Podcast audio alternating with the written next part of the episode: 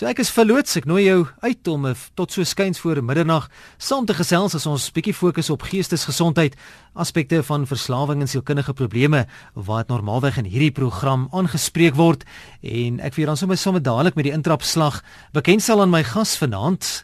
Dis Annelies Rix. Annelies, goeienaand, baie welkom by RSG. Goeienaand.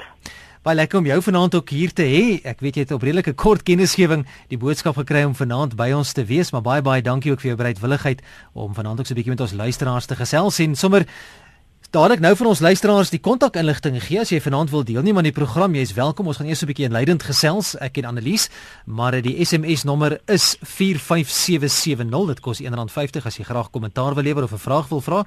Jy is welkom. Jy pos dit deur middel van ons webblad rsg.co.za en jy kan ook die ateljee skakel. Die nommer is 089 1104553. Bietjie later in die program gaan ons dan nou ook oproepe neem. Annelies, ek wil ons luisteraars bietjie jou bekendstel. Jy het nou al 'n lang paadjie gestap, baie baie ervaring opgedoen en jou ervaringsveld en blootstelling aan mense in nood is is baie wyd, ook dis disfunksionele gedrag en jy werk tans in 'n privaat praktyk. Jy's ook op 'n sessionele basis by LGBT organisasies betrokke. En as ons 'n bietjie uitkom by jou spesialisveld, Annelies, Dis onder andere substansmisbruik, dit sluit in alkohol, dwelms, toonbankmedikasie ensovoort. Maar jy het ook as maatskaplike werker by 'n hospis gewerk. 'n Bietjie iets heeltemal anders, net na die pyn en lyding van ongeneeslike siektes wat 'n mens ook daar beleef en hoe dit ander mense rondom jou beïnvloed. Asook die voorbereiding op die dood. Baie moeilik om so 'n situasie te hanteer en dan ook die ondersteuning en die rou terapie aan die familie. Dan ook is jy betrokke met huweliksterapie, egskeidings, depressie, selfmoord, trauma, dis meer. Dis 'n moeilike veld om in te wees, Annelies. Wyd. Dis reg. Wat het jy nou alles gesien en ervaar? Hoe lank is jy nou al in hierdie veld betrokke? Weet jy, um, ek is al omtrent 30 jaar betrokke. Um, ek het 'n passie vir mense in nood mm, en mm. eintlik bly dit vir my 'n inspirasie en 'n voorreg om hierdie pad te stap en ek staan telkens verstom oor die menslike gees en sy wil om te oorleef en om terug te beklei.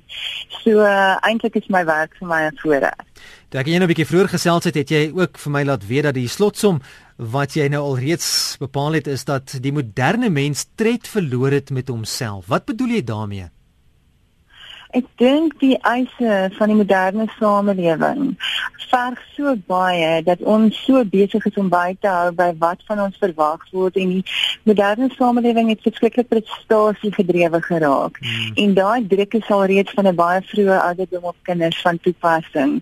En gesinne is besig om eintlik van mekaar se vreemd te raak en daar's nie meer altyd die koneksie wat nodig is nie want almal het hierdie druk en hierdie pas om vol te hou en om te presteer en aan verwagtinge te voldoen.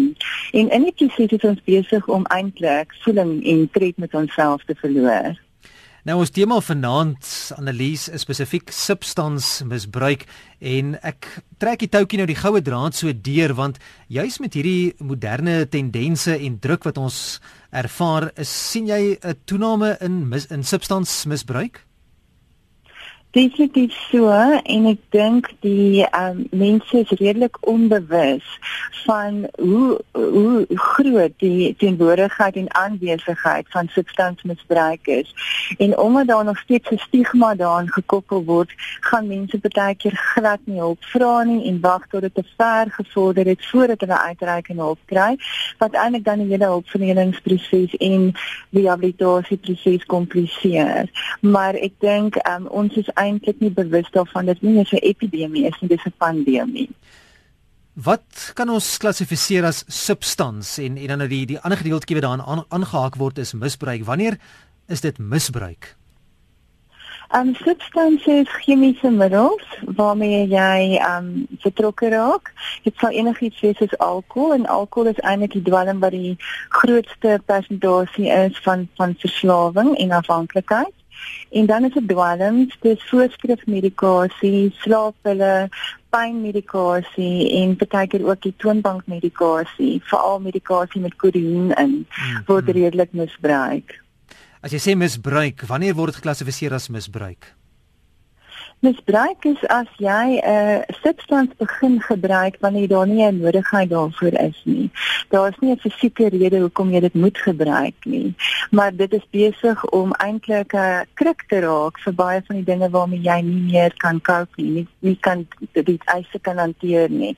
So jy is eintlik besig om 'n uh, leemte te vul en om te ontvlug deur eintlik dinge te verdoof. En geen iets om middels verdoof mos maar eintlik. Ja, verseker is so 17 minute na 11 en jy's ingeskakel by RSG. Die program is Geestesgesondheid. My gas vanaand, spesialis wat bietjie gesels oor substansmisbruik is Annelies Rix, ook 'n wye ervaring veld wye wye veld van ervaring reeds opgedoen oor die jare in spesifiek substansmisbruik en jy kan vanaand saamgesels deur 'n SMS te stuur, 'n vraag te vra uh, opmerkingkie te maak of sommer net 'n bydrae te lewer by 45770 ons gaan daardeur werk hierdie loop van die aand. Kos R1.50 e-posse ook welkom deur middel van ons webblad en jy kan skakel by 0891104553 Annelies waarom is substansafhanklikheid of misbruik dan toenemende uitdaging? Wat in is miskien 'n wild statement as ek daai woord kan gebruik maar byna in elke gesin voorkom Weet jy, um, ons leef in veral spesifiek in Suid-Afrika in 'n getraumatiseerde samelewing. So ons word blootgestel aan geweld, ons word blootgestel aan 'n hooploosheid en daar's 'n groot getal depressie wat al meer toeneem. En mense hanteer depressie op verskillende maniere, maar baie keer is dit om te ontvlug en net vir 'n tyd nie te beleef nie, nie te voel nie, nie te ervaar nie.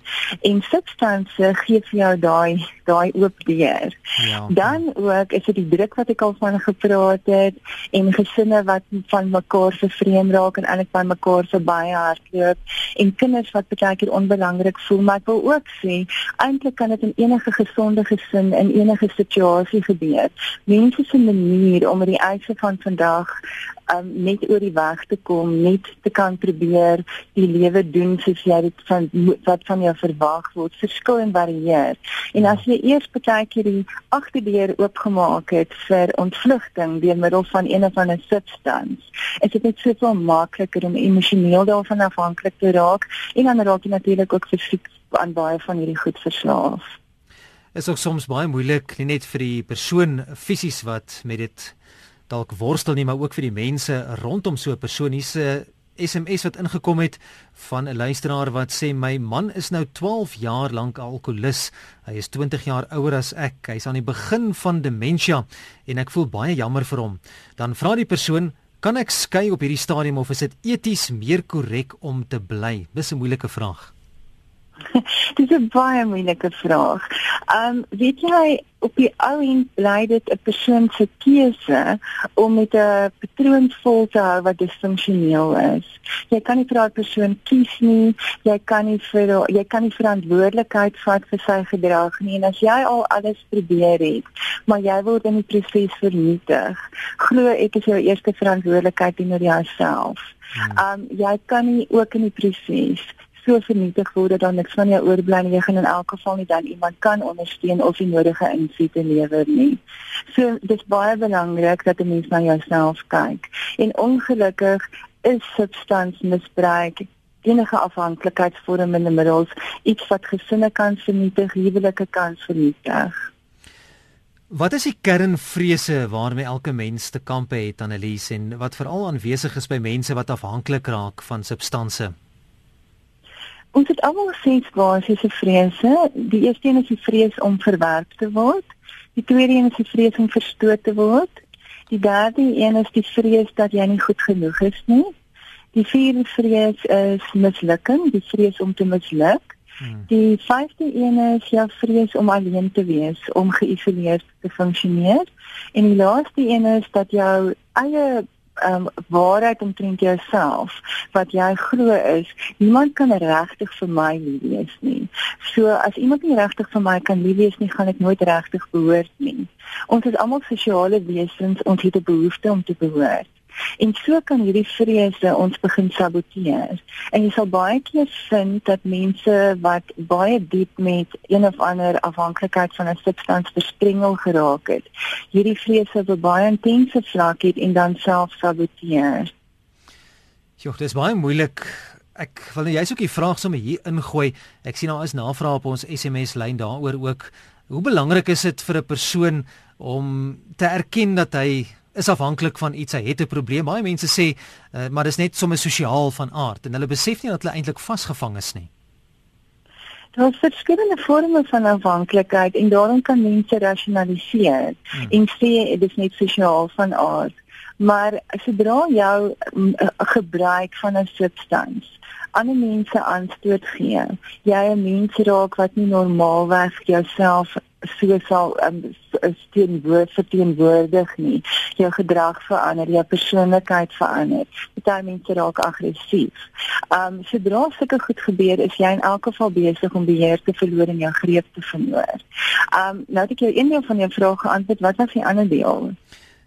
Man, die, wat ek die luisteraars hier vir my vra is eerstens jouself moet erken jy het 'n probleem en dan tweedens ja. die sosiale gedeelte daarvan. So dit, dit is baie belangrik want ja. weet jy as iemand nie insig het in sy eie gedrag nie, kan jy partykeer praat tot jy blou is in jou gesig, hmm. maar niks gaan verander nie. So daar moet eers insig ontwikkel word en iemand moet ongemaklik genoeg raak met sy gemaksone om te besef daar moet iets gebeur en ek moet beheer terugneem, ek het beheer verloor. En dit is die begin van die pad as jy nie daai insig het nie, is jy nie gemotiveerd nie, is jy nie ongemaklik genoeg nie en nie honger genoeg om 'n verskil te maak in jou eie pad nie. Dis Annelies Rix wat so gesels op geestesgesondheid hier op RSG 24 minute na 11. Jy is welkom om vra deur te stuur per SMS 45770 en dit kos R1.50. E-posse gaan net na ons webblad of skakel jy ateljee by 0891104553 as jy sommer direk self met Annelies wil gesels. Jy's welkom. Annelies, kom ons neem 'n oproep of twee en eh, dan hoor ons wat ons luisteraars daar te sê het. Goeienaand, is geestesgesondheid? Goeienaand, dis Annelie Kleinhans hierso. Hallo Ansie. Ek was weer by behandeling. Hallo Ansie. Ai, daar verloor ons verloor ons vir Ansie. Ek dink sy wou 'n bietjie vra oor behandeling. Sy het gesê sy was vir baie behandeling. Nou ek mm -hmm. ek wil nou nie ek wil nou nie voorsê nie, maar ek ek ek het so vermoede wat sy gaan vra. Sy sy wil vra of behandeling werk of nie.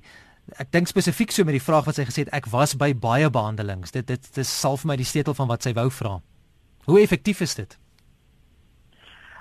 Ehm um, praat jy nou spesifiek van binnepasiëntbehandeling, ehm um, of wil jy onderskei tussen buitepasiënt en binnepasiëntbehandeling? Kom ons kom ons onderskei tussen die twee. Wat is die verskil?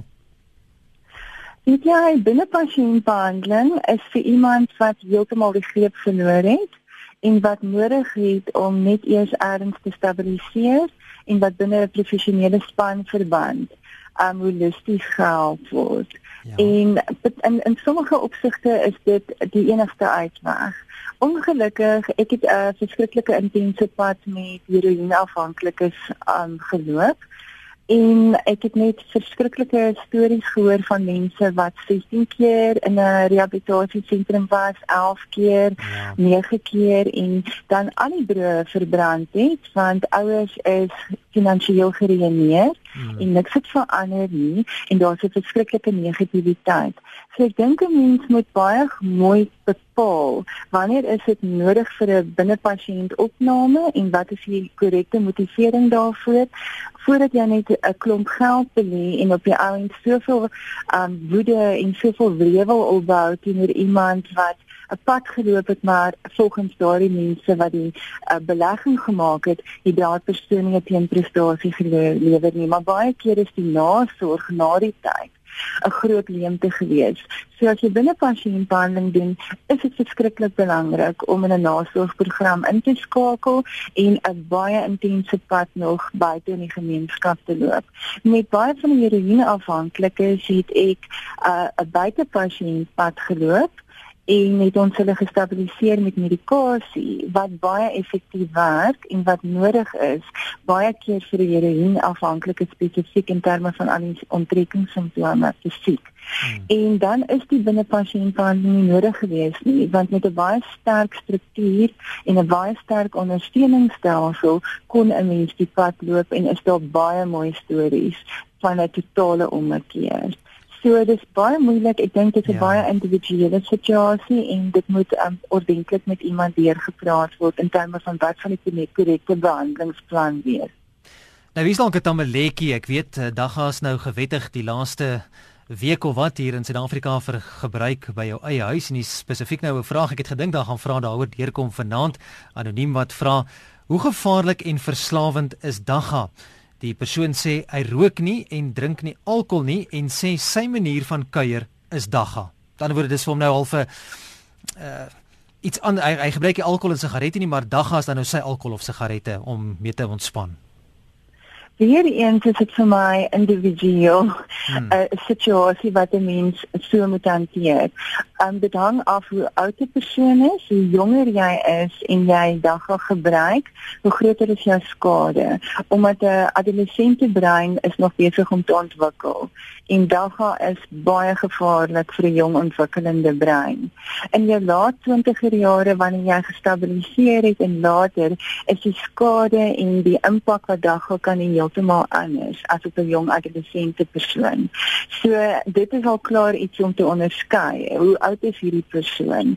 En ehm um, daar is mense wat dagga sosiaal gebruik wat nie verslaaf raak nie, wat nie toleransie opbou nie, uh, maar maar dit dit dit hang af van die individuele persoon, dit hang af van ouderdom en dit hang af wat is die redes en wat is die situasies waarbinne dit gebruik word. Is so 29 minute na 11. Kom ons neem so 'n vinnige blaaskans en dan is ons net hierna terug. Stuur intussen jou SMS na 45770. Annelies het sommer heelwat ingekom wat ons gaan hanteer nadat ons so vinnige slukkie water geneem het. Dit kos mm -hmm. R1.50. Andersins kan jy ook die ateljee skakel by 0891104553. Moenie weggaan nie. Ons gesels nou verder oor substansieafhanklikheid. KAKNK 2017.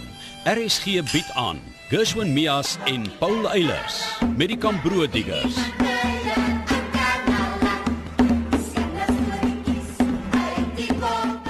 Vanaand om 10 oor 9, KAKNK 2017 op die golwe van RSG.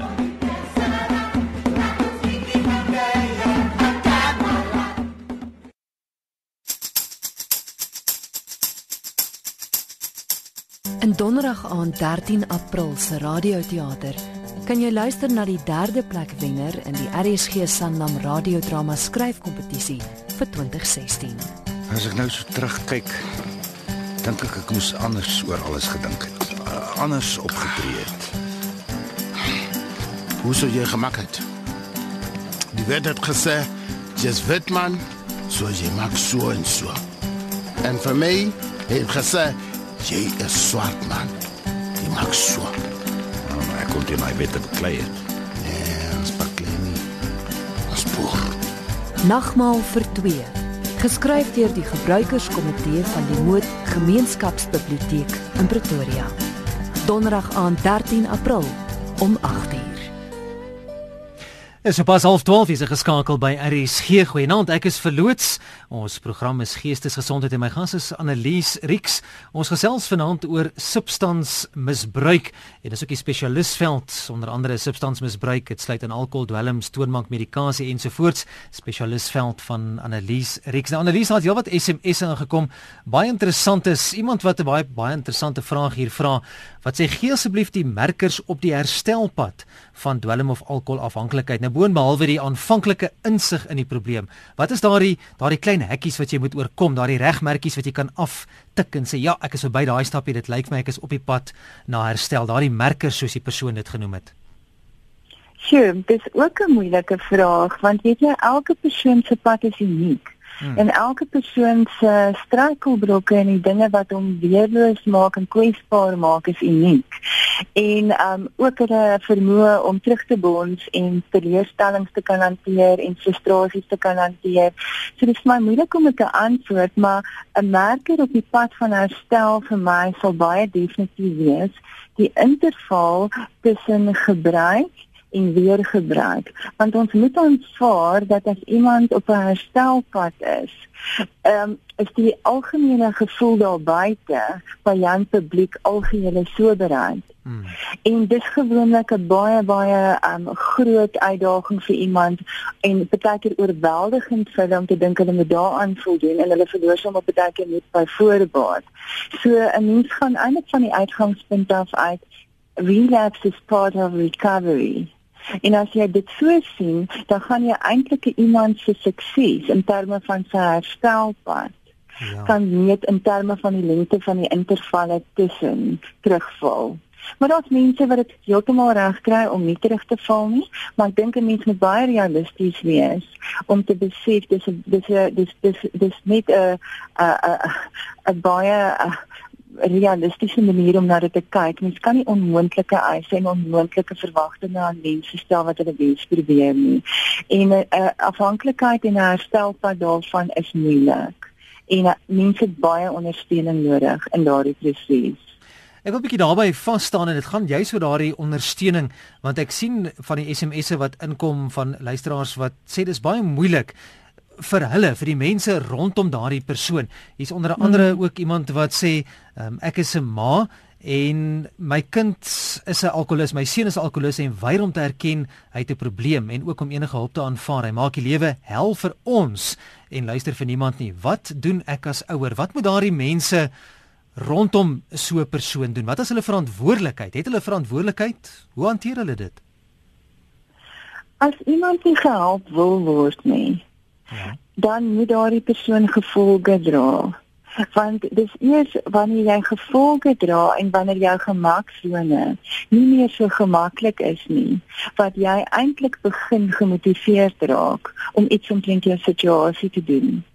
So baie keer kan ouers veral skuldig voel en dink ek is 'n swak ouer of ek laat my kind in die steek as ek nie oorkompenseer en agteroorbuig om hierdie kind en sy gedrag wat teenoor inkomstig die misbruik is te akkommodeer nie. En dan is jy die ouer eintlik besig om 'n patroon in stand te hou en word daai ouere in staat stel.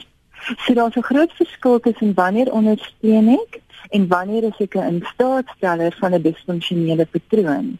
Want as ek 'n instaatsteller is dan gaan ek al die struikelblokke uit die weg ruim. Ek gaan al die verantwoordelikheid vir daardie persoon neem en al die probleme oplos en daardie persoon gaan nooit die nodigheid sien om regtig iets omtrent sy gedrag te doen nie want hy dra geen gevolge nie. En dan is die ouer eintlik besig of die familielid wat 'n persoon in so 'n situasie op daardie wyse ondersteun, is daardie persoon eintlik besig om daai persoon met die probleem van groei moontlikhede en groei geleenthede te weerhou. So so 'n bietjie tough so, love, tough love op sy tyd is nie noodwendig 'n slegte ding nie. Ja, maar ek ek sal dit nie ek moet nie noodwendig tough love nie, want hmm. wanneer iemand regtig wil en hy's baie diep vasgevang in patrone, het hy al die hulp nodig om daai patrone te breek en is daar ondersteuning en baie liefde nodig. Baie interessant, daar's 'n um, redelike onlangse video, so jaar of 2 oud op YouTube mm -hmm. met die naam Addiction. En die argument daar is dat eintlik is afhanklikheid nie 'n oorsaak van enigiets anders as die gebrek aan koneksie nie en hulle het 'n eksperiment met rotte gedoen en hulle het 'n eksperiment gedoen met veterane wat in die Vietnamoorlog was wat heroïne byvoorbeeld gebruik het. En toe daardie mense terugkeer waar hulle weer in 'n familieomgewing is en sosiale interaksie het, het al die ander argumente van afhanklikheid aan 'n plat geval en het daardie mense nie eers weer die behoefte gehad om te gebruik nie net omdat daar koneksie was en sinvolle verhoudings was. Ja. So dis 'n baie komplekse um, debat eintlik en 'n komplekse um, verskynsel om regtig aan te spreek. Want verslawing en afhanklikheid van substansies word deur verskillende um, uh, uh, veranderlikes van 'n individu gevoed. So jy kan nie net een klaar antwoord gee en een oplossing gee. Jy moet na daai individu gaan kyk. Jy moet gaan kyk na patrone. Jy moet gaan kyk na sy hele dinamika en jy moet gaan kyk na pyn. Mense maak emosionele pyn dood met substansies. So dit is my baie moeilik om met so hard te klink en te ja. sê tough love. Mm -hmm. Maar waar iemand hardkoppig is en regtig weier en die hele gesin swaar kry en daai gesinslede al begin disfunksioneel raak en met depressie sit en met allerlei neewgevolge sit van een ander persoon wat net nie insig wil kry of motivering wil kry nie, moet jy daardie persoon toelaat om gevolge te dra. En en en is jy nie liefdeloos nie en is jy nie iemand wat daardie persoon val as jou kind of as jou familielid nie. Maar dit is vir my baie belangrik dat mense uitreik, hulp gaan kry by 'n professionele persoon wat die veld ken en wat werklik met hulle die situasie kan leer praat, sodat hulle van skuldgevoelens onthef word, nie self blameer waar dit nie nodig is nie, maar wel leiding kry in terme van waar kan ons 'n verskil maak en hoe maak ons die verskil? Dis 'n baie belangrike punt wat jy daar aanraak spesifiek dat nie net die persoon wat sukkel met die afhanklikheid hulp gaan kry nie, maar ook die mense rondom so 'n persoon oor hoe om dit te hanteer. Dis reg. Sjoe, ja, mens um, mens dink jy altyd so daaraan nie. Nee, jy dink altyd aan hierdie persoon het hulp nodig, maar soms het jy self ook hulp nodig. Weet jy, um, een een persoon in 'n stelsel hmm. van verskillende ander individue gaan moet 'n definitiewe invloed sy gedrag, ons het almal maar 'n invloed op mekaar. Ja. So as ons gedrag ons baie skeef trek en ons hele menswees en ons funksionering en al ons fasette van menswees word beïnvloed maar negatief. Gaan dit 'n invloed op elke ander persoon nie in daai gesinsstelsel of in die breër stelsel. Um ook in vriendekringe. Um so jy, niemand is onaangeraak deur iemand wat beheer verloor nie. My gas vanaand Annelies Rix, ons gesels oor substansmisbruik en dan ook soms substansafhanklikheid. Jy het dan ook gepraat van lewenspatrone. Hoe raak substansafhanklikheid 'n hanteringsmeganisme en dan selfs 'n lewenspatroon? En wat is die relevante kompleksiteite in die aanspreek van sodanige afhanklikheid? Ek dink dit raak nogal redelik ernstig Annelies as jy begin praat van 'n lewenspatroon. Substansafhanklikheid raak 'n leefstyl. Sure. En dit vervang iets wat jy eintlik nie kon baas raak nie. So dit raak vir jou 'n kruk. So ek ontvlug en ek hoef nie realiteite te hanteer wat vir my oorweldigend is en wat ek nie bemagtig genoeg voel om te kan aanspreek nie. En waar ek radeloos en hooploos is die substans gaan vir my ontvlugting bied. Ek hoef nie te ek hoef nie te voel nie. Ek hoef nie te dink nie. So dis die een ding. Die tweede ding is dit maak my pyn dood Hmm. En dit laat my net net nie voel nie en baie keer kan ek nie hierdie pyn hanteer nie. En baie keer is ek vasgevang in 'n patroon waar ek nie vir myself lief is nie. So ek ek weet nie hoe om vir myself lief te wees nie. Ek weet nie hoe om weer 'n greep te kry nie. So meer ek bedwelmd is hoe meer ek nie met 'n realiteit hoef te 'n realiteit hoef te hanteer nie, hoe hoe meer is dit my gemaksone waar ek net kan wegkry. En dan is daar verveling. So as ek net verveeld is en ek weet nie wat om te doen nie, is dit 'n baie makliker manier om net verveling die hoof te bied. En dan stel mense wat 'n bietjie opgewondenheid soek en 'n bietjie adrenalien soek en daar sal mense wees wat vir my vertel en dis hulle term spesifiek jou dwelmafhanklike. Um hulle praat van 'n mission.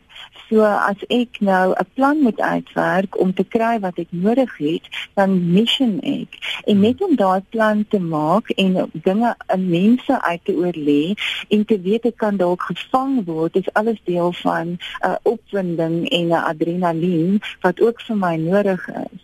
En laastens is dit ook 'n vorm van beheer. Ek het beheer oral verloor en almal sê vir my wat om te doen. Maar hier is 'n een deel wat net ek beheer en wat niemand eintlik van weet nie, partykeer my geheim. So dis 'n komplekse storie. Um daar's baie verskillende maniere wat hoekom dit 'n patroon raak en hoekom dit 'n hanteringsmeganisme raak.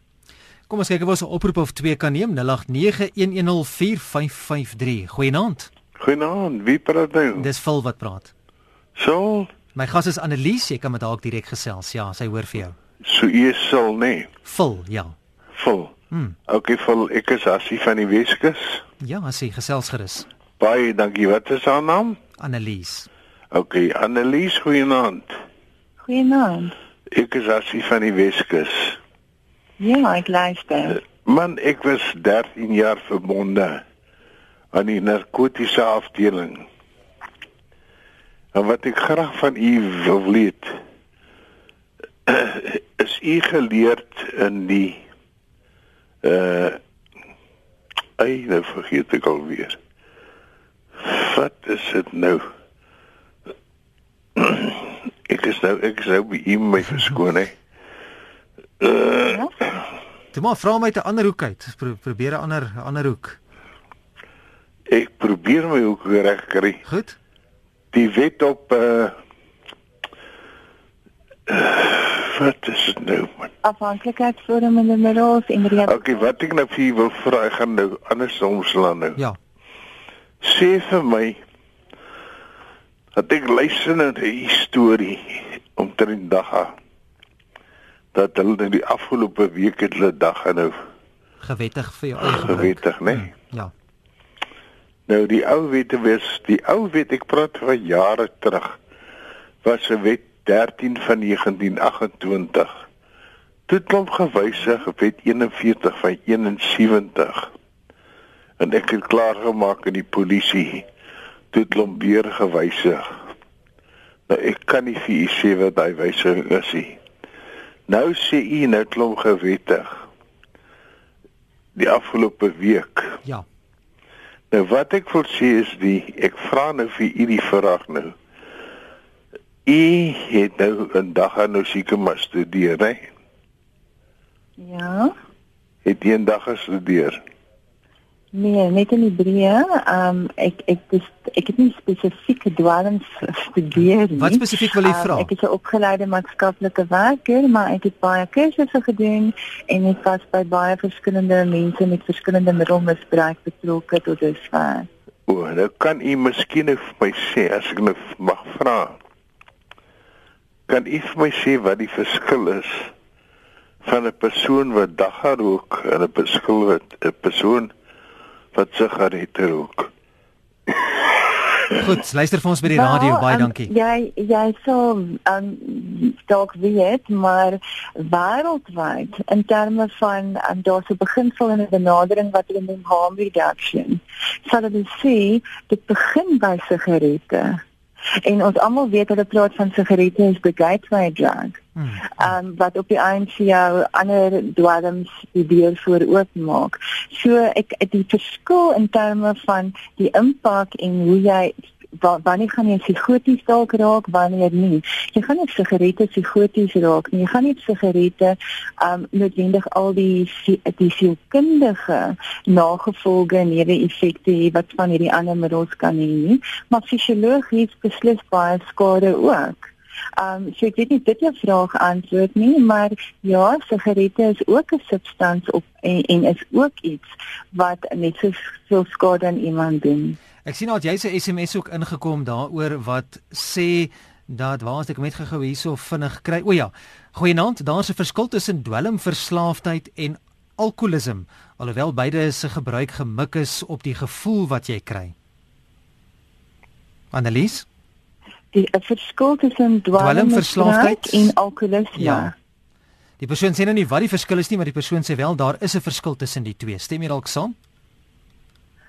Um ek dink elke middel het 'n verskil. Party middels is middels wat ons praat van downers en ander is uppers. So sommige middels gee vir jou energie, gee vir jou euforie, gee vir jou 'n gevoel van um verskriklike positiwiteit en jy kan die wêreld aanpak en die bilderry horings pak en ander middels gee weer vir jou 'n gevoel van kalmte, van rustigheid en jy verloor half tred met wat om jou aangaan en dit is jou spesifieke behoefte. So elkeen het 'n drug of choice en dit hang af wat jou behoefte is, hoekom jy dit gebruik. Alkohol is 'n depressant. So alkohol kan um, jou of ook heeltemal passief maak, maar dan kry ons ook mense wat se besluitnemingsprosesse baie erg daardeur benadeel word en wat en, en die ount mense wat baie aggressief kan raak. So ek is nie heeltemal seker wat hierdie vraag is nie, want elke um, middel wat jy gebruik het 'n verskil het 'n het 'n ander effek op jou liggaam. En dit hang af hoekom jy daai spesifieke middel gebruik. Wat is jou spesifieke behoefte? 0891104553 dis die nommer as jy graag 'n vraag wil vra. Die SMS lyn 45770 goeienaand is RSG Vol.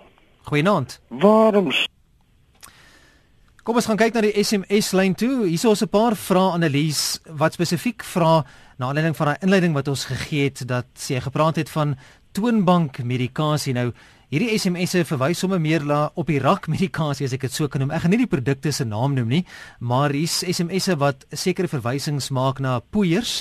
Ek is seker jy jy weet waarvan ek praat as ons praat mm -hmm. van poeiers en dan ook ander wat verwysings maak na stroop uh, wat jy kan drink, hierdie spe spesifieke tipe stroop om jou wakker te hou in die nag as jy moet mm. gaan swat en daai tipe van goed. Ek gaan nou maar nie produkte se name noem nie, maar jy sal weet waarvan ek praat. Die persone vra hoe gevaarlik is daardie tipe produkte en wat is jou siening daaroor? Um baie van daai produkte word misbruik. En sodra jy iets misbruik, dan is jy besig om klaar skade te doen en is jy besig om die uh, om om jouself weerloos te maak en kwesbaar te maak vir toenemende gebruik van middels. Want nou bou jy toleransie op. Hmm. En jy kry nie meer dieselfde effek nie, so jy moet na sterker en na ander tipe goed toe gaan om daai selfde effek te kry. So dit is gevaarlik en daar is definitiewe misbruik van. Um en ons sal nie die name noem nie, ja. maar dit is baie toeganklik ja. en baie maklik beskikbaar en nie beheerbaar nie. En dan vra iemand ook hierso lyk my ons haak baie vas by die hele dagga storie vanaand, maar dit is dalk tog 'n 'n relevante vraag. Wat van dagga is 'n medisinale middel? Nou ek weet dit was ook 'n ding wat wat baie in die hele aanloop tot die hofverrigtinge en die die uiteindelike dan nou kom ons net met 'n maar goedkeuring van dagga gebruik in jou eie huis ensovoorts. Baie mense doen dit vir of sê hulle gebruik dit vir geestelike redes, ander weer as medisinale redes. Iemand vra wat van dagga as 'n medisinale middel?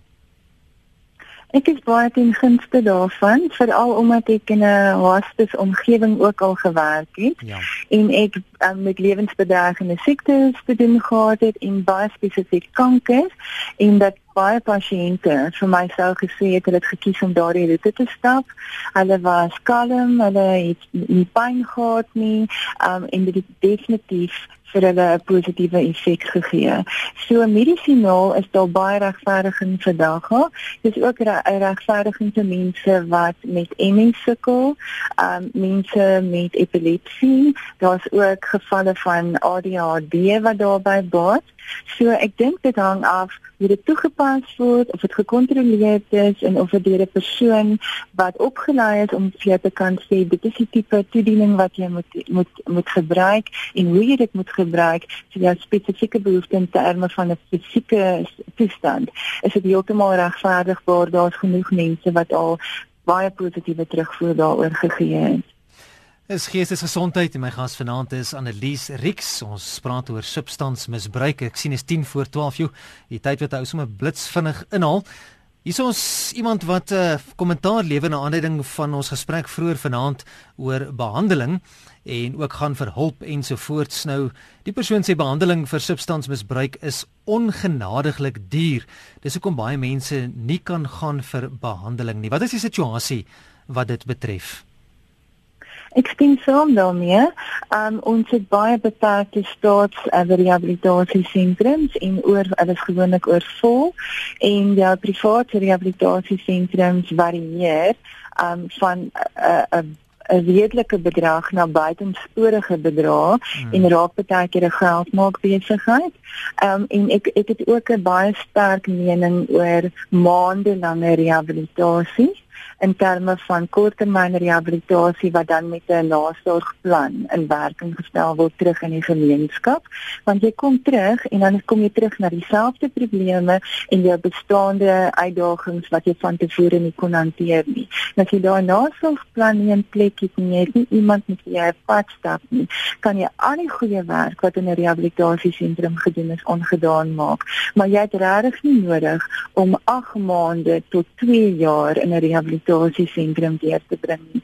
Vir my is dit 'n tydelike totale um um plek van euforie waar ek nie met enige realiteite hoef um um blootgestel aan te word nie en daarom leer ek nie om uh, sekere probleemoplossingsmeganismes in plek te kry en om myself met emosionele intelligensie verder te bemagtig en te leer hoe om irritasie en frustrasies en teleurstellings effektief en sinvol te kan hanteer nie. So um, rehabilitasie en rehabilitasiesentrums is 'n baie lang debat. Um en vir my is die groot ding daar moet 'n struktuur en daar moet 'n sterk ondersteuningsstelsel in die gemeenskap wees. En mense moet onthou um, om met om met verslawing en afhanklikheid te te te te stoei is baie kompleks. Daar's ook neurologiese paadjies wat gevorm is. So daar's assosiasies. Hmm. Daar's sekere goed wat onmiddellik 'n uh, 'n uh, 'n uh, 'n gedagte by jou skep van dit as dit gebeur, het my sien my brein vir my ek het 'n sekere teenprestasie wat nou moet volg. Daai paadjies moet ook aangespreek word. Ek moet gehelp word om kognitief te herstruktureer. Daai goed moet in die gemeenskap gebeur. Ek kan dit nie alles in 'n rehabilitasiesentrum doen nie. Daai tydperk is te kort. Um, maar maar dit is buitensporig hier en daar's baie mense wat regtig net baie keer daai kort tydperk nodig het om net te stabiliseer en te uh, eintlik soos ons kan sê detoxifiseer ja. en dan die pad te stap. Maar hulle um, dit is baie moeilik en uh, ek ek my frustrasie in terme van sisteme met baie van die mense met wie ek gepas stap is dat hospitale sê ons gaan nie iemand wat onder die invloed van iets soos opneem nie. Um hulle word na ander hospitale verwys wat hulle dan ook nie wil vat nie. So baie keer kom mense voor toe leer te staan. Daar's regtig 'n gebrek aan hulpbronne en aan ondersteuning. Annelies, tyd het vir ons ingehaal, dalk net om jou af te sluit vir van ons luisteraars wat dalk nou wil gaan aanklop vir hulp. Wat sou jy aanbeveel is daar miskien 'n sentrale webblad iewers of 'n nommer wat 'n mens kan skakel of 'n plek waar hulle kan gaan aanklop wat miskien die maklikste en die vinnigste gaan wees om hulp te kry? Um die spesialiste organisasie um wat staatsgeoriënteerd is in die gemeenskappe Sanka. So enige Sanka kantoor is mense wat spesifiek net met afhanklikheid en chemiese middels werk en en met jou die pad sal stap en ek sal reguit soontoe verwys en hulle behoort jou ook te kan inligting gee oor binne pasiëntfasiliteite.